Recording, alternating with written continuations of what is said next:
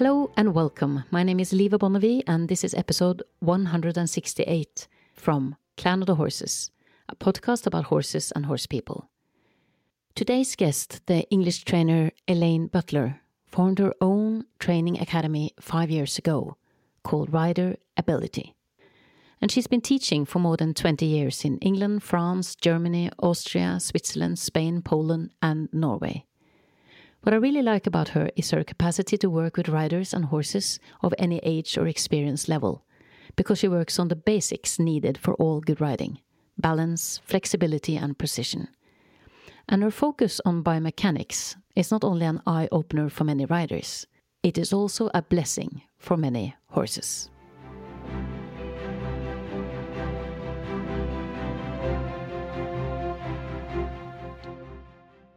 So, Elaine, here we are to have a um, conversation about your horse work. Very nice. Very happy to be here. I'm really glad that it's um, it's been quite a while since your name popped up uh, the first time for me. Uh, you are not very easy to Google, but uh, I have listeners who keep track of you, and they have helped me to to find this moment where it's possible to have this talk. Super. And uh, I always like to start with the beginning the beginning of your journey with horses.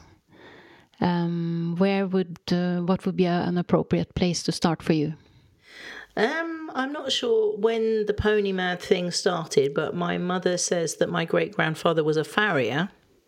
So maybe she thinks it was just genetically handed down to me because nobody else in the family was into horses at all. In fact, my my mother is very scared of them.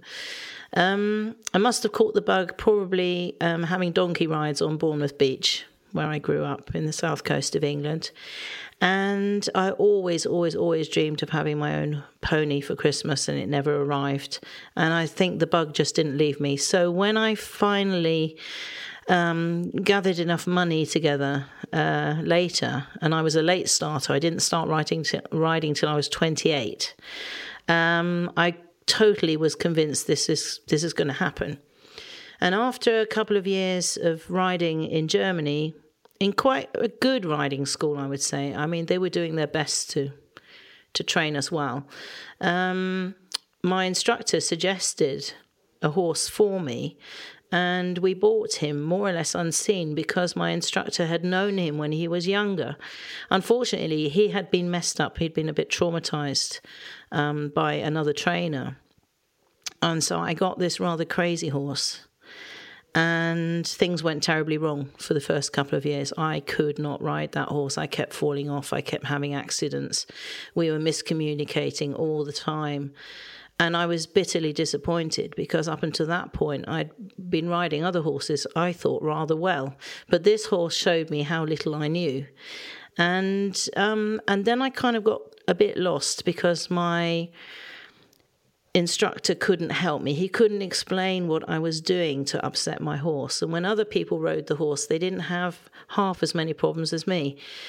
And so I went searching for answers um, at a time where there was no internet. so basically, a bookshop. And ended up with a book by Mary Wanless, which really, really helped. I'd also read the book Centered Riding by Sally Swift. And I kind of got into the thing that it must be my body that's upsetting his body. Um, and a lot of what I learned then really helped to turn the relationship around. And then I trained with that lady um, and decided that I could probably help a lot of people with similar problems. Um, and I come to a point in my general career where I was losing interest in what I was doing and getting very stressed. It was a very high pressure career that I had. And so I decided I would quit that career and train to become a rider biomechanics coach. And now I've been doing it for 23 years. And I've actually been coming to Norway for about 16 years, thanks to a happy coincidence through a friend that I met in England. And uh, yeah, and I travel a lot. I do um, clinics overseas around Europe for six months a year. And when I'm back home in Germany, I have a small farm and I do local training there. And I've also started to train other people who want to learn to improve their teaching skills and find more creative solutions than just heels down, sit straight, head up, hands, you know, that kind of thing. So I had the pleasure of uh, watching you teach today. Um, and uh, 80% of your focus uh, seems to be on the rider, 20% maybe on the horse. Unless there's a problem going on in the horse that we really need to fix right now.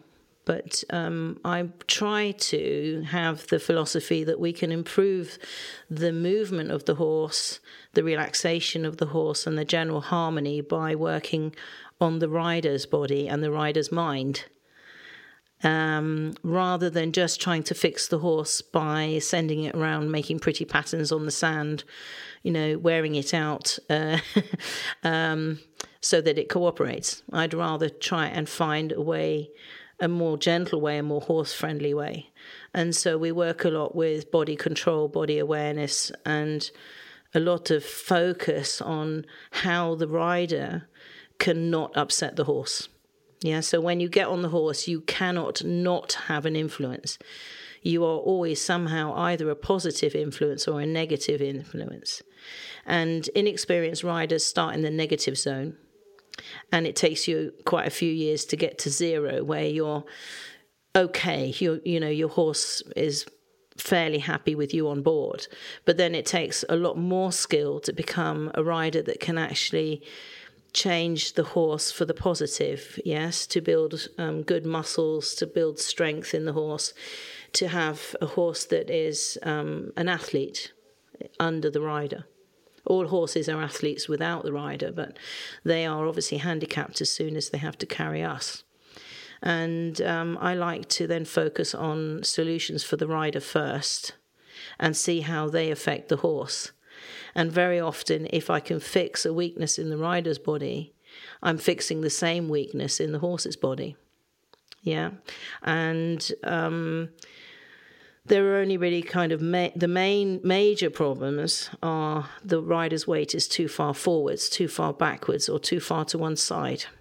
And that is something that I can get riders to understand when they balance on a physio ball.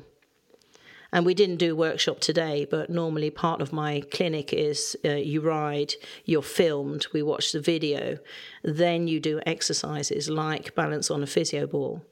Or if you're the, with me the first time, I actually have you on your hands and knees being a horse and have somebody else experiment um, and you tell them how it feels for you.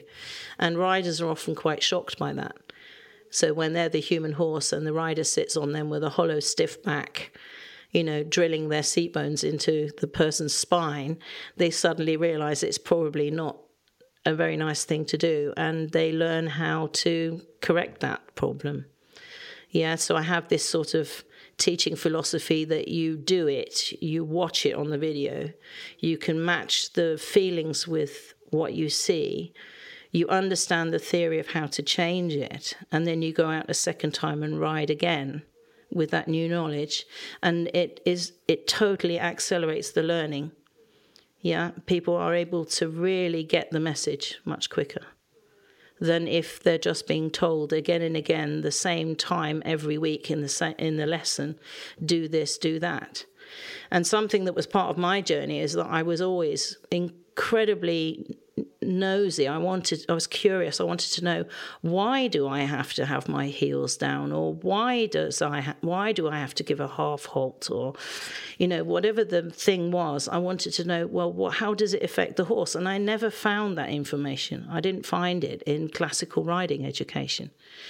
I only found out what what what you do and how it affects the horse through this special training that I had with um, Mary Wanless. And she's written a lot of books on the subject um, that are quite heavy to read, they're quite intensive. Um, but when you have lessons um, with an instructor who can really find the weaknesses in your body and fix them, it, it, it's, it's a game changer. It's a life changer. And it, it, t- it turned around the relationship with this special horse that I'd always dreamed of. And then I got another horse and everything that I had learnt there worked for this horse and for all the horses that came after. And I thought, Jesus, why don't people know this? You know, I need to start to tell them. So when my career, you know, kind of fell apart, I, uh, I, I took this on, and it still gives me a huge thrill every day when I'm teaching. Whether I'm teaching somebody to do a a better rising trot, or I'm teaching somebody who's a Grand Prix rider to do a better flying change or a pirouette. How easy it is if they understand the logic of why, what, and how to be able to do these things. And I, I kind of developed a creative toolkit of little gadgets that I use on the rider and um, images that I use to explain things. Sponges. Sponges. yeah, Mrs. SpongeBob, I am. Yes, I put sponges everywhere under the rider's feet, under the thighs, under the seat bones, under the arms. Um, it really did work, though. It yeah. was really interesting to see that. I mean, it, for sure, it has to do with body awareness. That you know, when you have the sponge, that the way you place them, you you have to hold the sponge, but also you you feel them. You feel that body part better. You it gives you focus. And in this case, it was flyaway elbows, the elbows that go out like chicken wings. And I put two sponges under them, and, and the rider's arms were so much quieter. She could do sitting trot without her hands bouncing. And then once she'd understood the muscles that she needed to use in order to keep the sponges there, she could do it without them. And so it was a breakthrough, you know, from having, you know, restless hands or um, you know, moving hands, she was able to coordinate her arm movements all of a sudden. And it does the same if you put them inside your, your thighs, if you have knees that fall off the saddle, you know, legs that twist and the uh, toes go out like a penguin. You can put them under the thigh to rotate the thigh in, not to grip, but just to have a connection with the saddle yeah, which gives you more control of your leg and it gives you also then more control of the horse's shoulders, for example. Yeah. What I also um, noticed when you taught today was uh, the focus of uh, on the human pelvis. Oh yeah, totally. And for sure, everybody knows that you know a good seat is important, and pelvis the pelvis is part of that seat. But uh, still, it was very interesting to hear you talk about it. Yeah, it's the foundation of everything, really. It's the thing that your horse feels the most. When you climb in the saddle, you give your horse a kind of a bum print. Everybody knows the thumbprint, yeah. So if you had to give your prints to the police for some crime or whatever, well, you have a kind of a bum print as well. As soon as you're in the saddle, that horse knows everything about your body.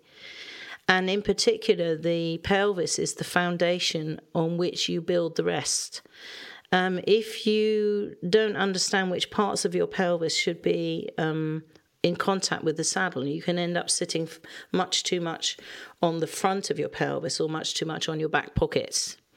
Yeah, and then if, for example, you're sitting on your back pockets, your legs will be forward in the so called chair seat, and your shoulders will probably be um, either round, um, collapsing, or they'll be too far back, at which point you're blocking the horse's hind legs and sending the pressure of the saddle in movement onto the horse's shoulders. Most people start in a chair seat um, when they when they have their first few lessons. And it's really about learning to know if you've got your seat bones vertically on the saddle, you are then able to stack up your uh, your waistline, your ribs, your shoulders, your neck, and your head to make a vertical stack like a hotel building. Yeah. And you can have your legs then more easily underneath you. So they rest at the widest part of the horse's body. And then your leg signals work. If you're in the chair seat, and if you've got your legs forward, your legs are more or less ineffective at giving leg signals and you're probably pressing too much weight in the stirrups, so the stirrups run away, and you end up being behind the movement of the horse. And you're water skiing. Nobody would do it when they were right um, on a mountain. You know, if you were skiing down a mountain, unless you're a total beginner, if your skis go faster, you don't lean back. But I see many riders, especially if they're struggling to hold the speed of the horse's legs, trying to lean back and then the horse is just hollowing his back, making a giraffe neck and running away. Yeah, and that was more or less the problem that I was in with my first horse. And once I had understood that I need to keep my legs under my body and my shoulders over my feet, um, everything got easier. The, the lazy horses go better and the speedy horses slow down. If we take 10 riders that you meet in your clinics when you travel around the world, what do you see when you meet the riders for the first time? If you take 10 average riders, um, I'd say probably on average 20%, so two of those 10 will be making a good job uh, of what they're doing most of the time, unless the horse is particularly challenging. Yeah, um, two of those riders will be too stiff, especially in the hips. Okay, it's a kind of a problem with the modern world. We sit around too much. Yeah, sitting in front of computers, sitting in cars, etc. So two of those will be too stiff, and so they're not allowing the horse to move. Um, but a larger number, I would say 60% of riders, are actually far too floppy and wobbly. And they are disturbing their horse because they are actually too passive and too relaxed. And they need to support their bodies with more positive tension in their core and perhaps certain other muscles in order to stop the legs and arms, you know, um, disturbing the horse. Yeah, so I would say most uh, riders um, are not in control of their own movements. They're letting the horse move them.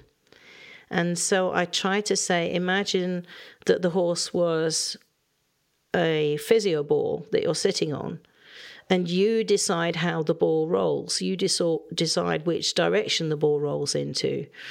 And you also, if you're bouncing on the ball in a kind of a sitting trot way, you decide the height of the bounces and the speed of those bounces. But what I see a lot is when people are asked to do a sitting trot, for example, they just let the horse bounce them and they're not able to control their own movements. So I'm trying to teach uh, riders to tone up their uh, their bodies, certain parts of their bodies, so that the hips can be free. The hips can only let go, or the, for example, the gripping with the legs only stops when people actually learn to engage their core muscles in order to have control of what's happening yeah, and not be bounced off the saddle or be bounced backwards or forwards. In a downward transition, people fall forwards. In upwards transitions, people fall backwards. Yeah, and once you learn which muscles can prevent that from happening, um, you don't do that anymore, and therefore your horse is a happier horse. This also brings to mind something else you said uh, during the clinic today, and that had to do with the horse moving freely forwards. Mm because you didn't think that was all that good idea necessarily. Not necessarily, no. Um, some horses are out of balance and they're running away with their front legs, and the rider mistakenly thinks that the horse is keen, eager, willing, cooperative. But they're just out of balance and, and running away. If that horse was 20% too fast in the walk, most people don't notice it. If the horse was 20% too fast in canter, they would be panicking and doing something about it. But very often it starts in the walk that the horse is um, pulling itself along with its front legs, the hind legs can't catch up. The horse's back is like a hammock, and the horse's neck is like a giraffe. And the riders don't know how to change it. And the first thing you need to do is slow down. You need to slow down and get the horse to close the distance between the back legs and the front legs. Yeah, so you're not going to pull on the reins by doing this. You're going to control the movement of your hips. You you control the movement of your seat bones on the saddle, and you quietly ask the horse to um, walk in a slower speed, and you'll find that nearly always the horse will be so grateful that you are telling it not to run away that it will drop the neck, connect to the reins, lift the back, and you get kind of the whole parcel of the horse functioning again. Um, people also mistake impulsion with speed. So if the instructor says ride your horse more forwards, they're just kicking like crazy. And the horse is getting faster and more and more out of balance. So if you can come back to a, a slower level of power, um, you can find your place on the saddle. You can plug in your seat bones. You can get more of a framework around the horse. The horse then feels secure in that framework and will relax. Having done that, once you've got established the balance, you might need to get a little bit more coiled spring energy, which is what impulsion is. Whereas speed is just hurrying. Speed is just, you know, hectic and fast. Coiled spring energy is when the horse gets more lift and more bounce within the movements. And in trot, for example, spends more time with its legs off the ground than the legs on the ground. And in canter, the canter has more jump. It's not ba da dum, ba da dum, ba da dum. It's more ba da dum jump, ba da dum jump, ba da dum jump. Yeah, but you can only do that once you've connected the horse's hind legs to the front legs and you're in control of what what's in the middle. but if the front legs are running away and the hind legs are getting left behind, yeah, you have an uncomfortable ride and your horse is, you know, is stressed. And so I don't think that freely forward is necessarily the answer. I think you need to bring your horse and yourself into balance, and then you add tiny amounts of power. So you would start then to maybe ask for 2% more trot and then another 2% and see if you stay together. Yeah. Um, rather than kick for go and hope for the best. Which is quite common, I think. But you, you, I think I see this a lot in competition and also with hobby horses that that um, you allow the horse just to run away and that we are not in place and you know what do you call it integrated in our bodies at all. Yeah, I, th- I think a lot of riders are passengers, but they haven't realised that. Um, some people are speed junkies so, especially show jumpers and eventers, they love to go fast. You know, that's what thrills them. And it's okay as long as you're taking the horse for a ride, not the horse is taking you for a ride. Yeah, and that you can slow down whenever you need to. You can stop when you need to without needing, you know, um, five minutes in order to do that. Yeah, you, you need to, within every movement that you're doing. So if you're trot, ideally you have the horse so well on your signals that you can canter at a moment's notice, but you could also walk and maybe even you could halt. Yeah, so you don't need any kind of time delay to do anything. When you become a passenger, um, the horse is taking over, and the horses are then, you know, usually running ahead of the rider. So then the rider doesn't really have a seat. And all the rider has in order to slow down is the reins. Yeah, and then things get ugly. And it's unnecessarily ugly because if you can learn how to be a friendly leader with your horse, horses are actually really happy with that. They want to know what they what you what you expect of them. They don't want to take control and they don't really want to run away. No horse wants to be in flight mode. But that's what happens when things get out of control. And so the rider must not give up control. But you you need to be able to find a way where you are signaling through your body 80% and your hands and legs only 20%. Yeah, most people are doing the 80 20 the wrong way around. so that's why I focus a lot on the pelvis and the, the torso. Also, because if you've got wobbly legs or wobbly hands, they're usually hanging off a wobbly body. If you've got stiff hands and stiff legs, they're hanging off a stiff body. So if we can get the middle of you right, all those other problems go away. Yeah. A lot of standard instructors who haven't had training in biomechanics, they're just correcting feet, hands, and heads. Yeah. Keep your head up, keep your hands still, use your legs. And ignoring all the important parts in between. And i do it the other way around. So i concentrate on the on the center of the rider and then work my way out. So sometimes people have watched lessons and they said my god the rider had terrible hands. Why weren't you correcting it? I said because she has no control over the hands because she has no control over her general balance yet. And if you fix the balance she doesn't need to hang on the reins. Do you see? But most other people would just be complaining about that rider's hands but that's only the symptom, that's not the cause. This is brilliant.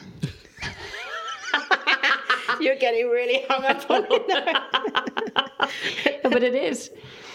So, um, if I were to listen to this and I thought, Jesus, am I a wobbly rider and I'm not aware of it, which is can sometimes be the case. Um, what would be a good way to start to kind of improve myself if you're not around? You know, what mm. what are the first steps I can do to to um, analyze my own seat and find out where where am I at with this horse? Um, well, I suppose now that we have cameras, we all have cameras and mobile phones. You could um, film yourself riding, and then watch it back in slow motion like I do when I do my video analysis. And then you'd probably be able to see the parts of your body that were too stiff and the parts that were moving too much. If it's moving too much, what you could do, for example, if you've got a, a bit of it, what I call a jelly belly, a bit of a belly dance going on, you can strap yourself into um, a back support, a wide elastic belt that you put around your body, and it just kind of holds you um, so you get a sense of how to be still. But more importantly, you can push your muscles into the belt. So, like when you cough, if you you're actually engaging your core muscles, and your muscles get bigger and they push into the belt. The belt gives you feedback. Um, am I doing it or am I not doing it? Whereas if you are riding along without anything close to your skin, it's much harder to know am I doing it? What you can do if you don't have any gadgets available is you can put the hand on your on your tummy and cough and notice the muscles jump out into your hand and then try to keep a permanent pressure there. And your hand, because it has so many um, sensitive nerves, will tell your brain, yes, I am doing it, or oops, I've lost it. Yeah, so that's another way you could do it. I also encourage the rider to put the hand down on the top of the leg near the hip joint and notice is that moving or is that stuck? Yeah, so your hands can tell you a lot about what's going on in your body, even if you don't have somebody to help you on the ground. Um, and then you can watch the video back and see how things have changed as you try to unstick your hips but prevent the jelly belly. Yeah. If I realize that I'm really, really stiff, yeah, what would be your first advice then? Um, it depends where the stiffness is. I guess, you know, in an ideal world, if we all had enough time and money, we would be able to go to yoga lessons to stretch the bits that are too stuck and do Pilates lessons for the bits that aren't strong enough. And that's what good top riders do. I mean, they might be riding 10 or 12 horses a day, but they're also going to the fitness studio or to a personal trainer five times a week. Riding is not a strength sport as such, but it requires a lot of body coordination. So, dancing, for example, is a very good complementary sport for riders because that kind of gets the joints working.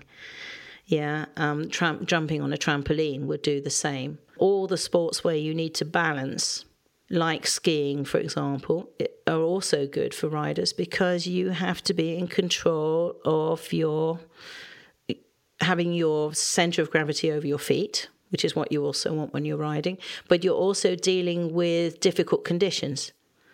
You know, the snow that is too icy or the snow that is too soft which is kind of like when the horse is too speedy or the horse is too slow.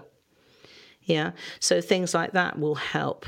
First of all, you need to also take time every time you ride to focus on your body. So, I always say the first 10 minutes of the ride belong to the rider. You should be really going through your body internally and checking where are all my body parts and are they where I want them to be if you've got on the saddle from the left hand side and you're you've you've put your pelvis too much to the left by doing that you could otherwise ride maybe the whole one hour not realizing that you are not in the center of the horse so when you get on, you have to check the equipment. Is my saddle uh, still in the middle or has it slipped? Is my girth tight enough? Do I have my seat bones the same distance from the horse's spine? Am I in the middle of the saddle from front to back? That sounds so elementary, but I can tell you that all the time with new clients, I'm saying, you've put yourself too far back, or you've put yourself too far forward, or you're sitting three centimeters too far left, or four centimeters too far right, and they haven't felt it. So if you can get yourself really clear on, I must have my nose over my chin, over my zip, over the middle of the horse where the mane starts to grow. And if Harry Potter took my horse away in a magic trick, I could land safely on my feet standing up. You've got 80% of what you need to be a good rider. The other 20% is how do you give signals? But you're not disturbing your horse's balance. But if you're in the chair seat, you're actively blocking the hind legs, passively also blocking the front legs. If you're leaning forward, you're actively blocking the front legs, but also by the backward pointing seat bones, t- telling the horse to, to go away with his hind legs, just as two examples. And wondering why the horse is too speedy or too slow or doesn't want to cooperate, doesn't want to listen. Yeah. So when you fix these basic fundamental um, body body balance um, problems, you find that all the horses are much more willing. Yeah, and the crazy ones become less crazy, and the lazy ones become less lazy. Because I think you said that uh, if the horse does not comply or is not willing, either it doesn't understand what you want mm. Or yes. he's in pain. Yes, yes. You're not being clear, you're not communicating clear signals. I see it very often, for example, with a rider who wants the horse to go quicker. They bump with the, the legs, but they also bump with their body on the saddle. Yeah. Or some people squeeze with the legs. The knees then come up and at that moment, there's a lot of weight traveling backwards through your bottom. Okay, so as your knees come up, you sit heavier on the saddle. And they're giving conflicting signals. So the poor horse is getting a, a slow down signal because of the weight or the bumping of the of the rider's upper body, but the legs are saying go. And so then the horses get confused and you know, they might do things that we think are naughty, but basically are basically just cries for help.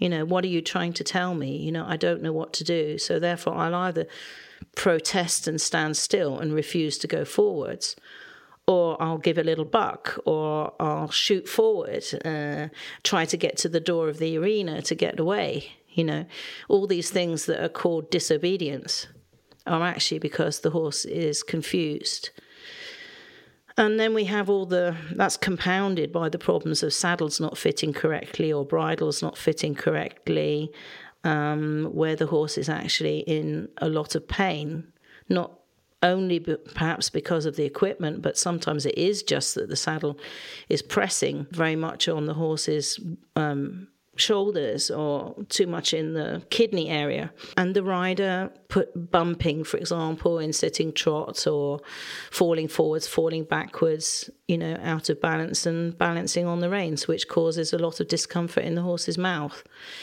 Yeah, so if, if you can get to where you are still enough that you move with the horse, but you don't move too much, yeah, then again you can help the horse to be more comfortable. And if you can get regular checks on your equipment and some regular therapy for your horse, you, your horse will be even happier to, to carry you around.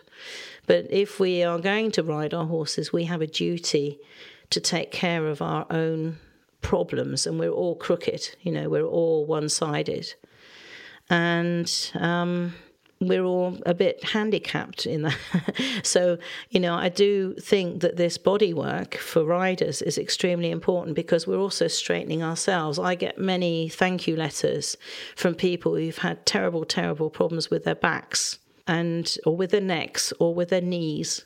And they say, Thank heavens I, I came to you because I'm not just now a better rider, but I'm also a much healthier human being. So mindfulness and body awareness basically.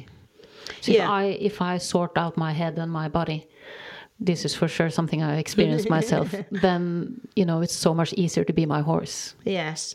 I think it's the holy trinity of being in good physical shape and understanding your body um, being in good emotional shape. So um, not getting angry frustrated you know, all those sort of negative emotions, if you can ride with a really positive mindset, that helps a lot. And then also the mental processing. So I give my riders a checklist of things they need to take care of, little keywords, yeah, sometimes quite funny keywords like bed springs today. You know, which wouldn't mean anything to anybody else, but that rider knows what I mean when I say don't forget your bed springs, don't forget your sponges, things like that and so I can just do bed springs, sponges, etc., etc. And I'm much quicker at getting through my body processing to not let things go wrong. So that when I'm controlling all those body parts that I couldn't control yesterday, um, you suddenly get a much bit better big picture. And again, the horse is more comfortable. You know, if I'm um, if I forget my checklist, if I'm too focused on, I don't know, daydreaming because I'm riding in the forest, oh, look at the birds, look at the trees, maybe I'll go back to my old habits. And then those old habits are destroying my balance, destroying my communication, destroying the relationship with my horse. So I like to also work on the mental side of things to make sure that we can repeat the new habits and make them automatic. And that takes you know, it takes some time. So you have to do 20 to 40 repetitions to build a good, or to have actually an idea of the pattern. 300 to 400 repetitions will make something work reliably.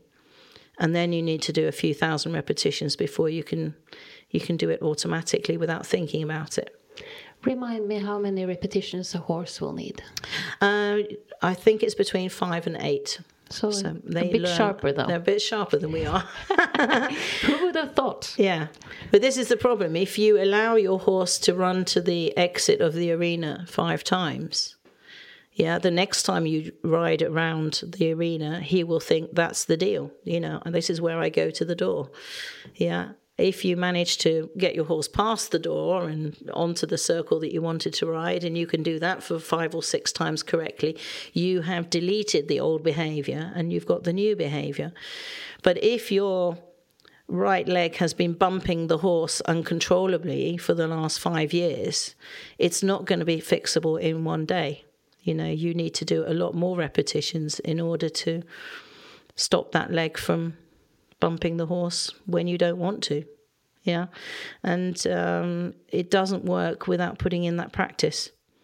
Yeah. So, yeah, it's it takes time, but it's worth it. Yeah. And your horses will thank you for it. I want to uh, end this uh, talk with my signature question, uh, Elaine.